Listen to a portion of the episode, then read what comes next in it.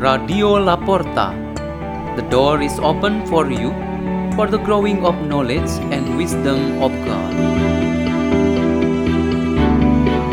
Delivered by Ryan Koordi from St. John Bosco Church in Jakarta, Indonesia, and Jane Valerie Untung from Los Angeles, California, in United States.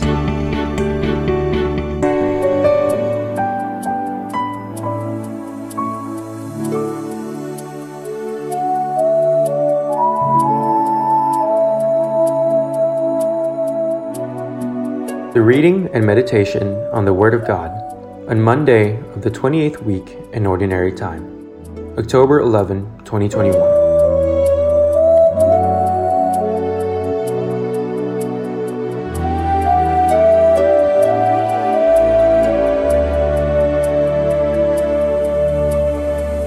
The reading is taken from the letter of St. Paul to the Romans, chapter 1, verse 1 till 7. Paul, a slave of Jesus Christ, called to be an apostle and set apart for the gospel of God, which he promised previously through his prophets in the Holy Scriptures. The gospel about his Son, descended from David according to the flesh, but established as Son of God in power, according to the Spirit of holiness, through resurrection from the dead, Jesus Christ our Lord. Through him we have received the grace of apostleship to bring about the obedience of faith, for the sake of his name among all the Gentiles, among whom are you also, who are called to belong to Jesus Christ, to all the beloved of God in Rome, called to be holy. Grace to you and peace from God our Father and the Lord Jesus Christ. The Word of the Lord.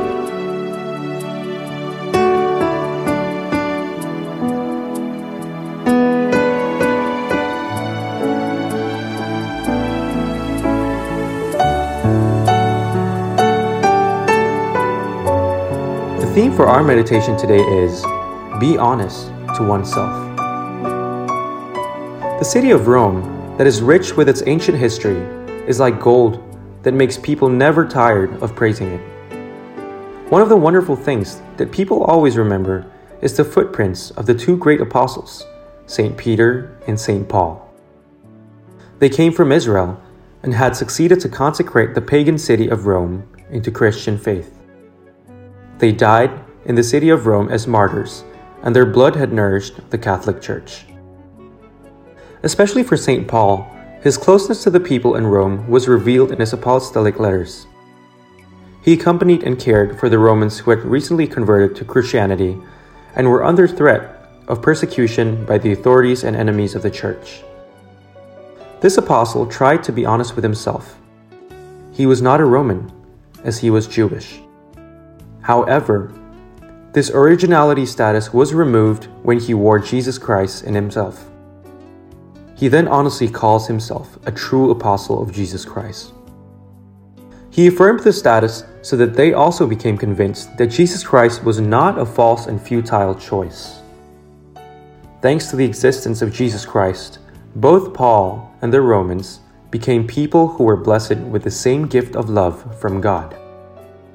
The Romans were also called to be saints, and this is proclaimed in today's first reading. Paul certainly did not promote himself or build his own self righteousness, for he was actually imitating his true teacher, Jesus Christ.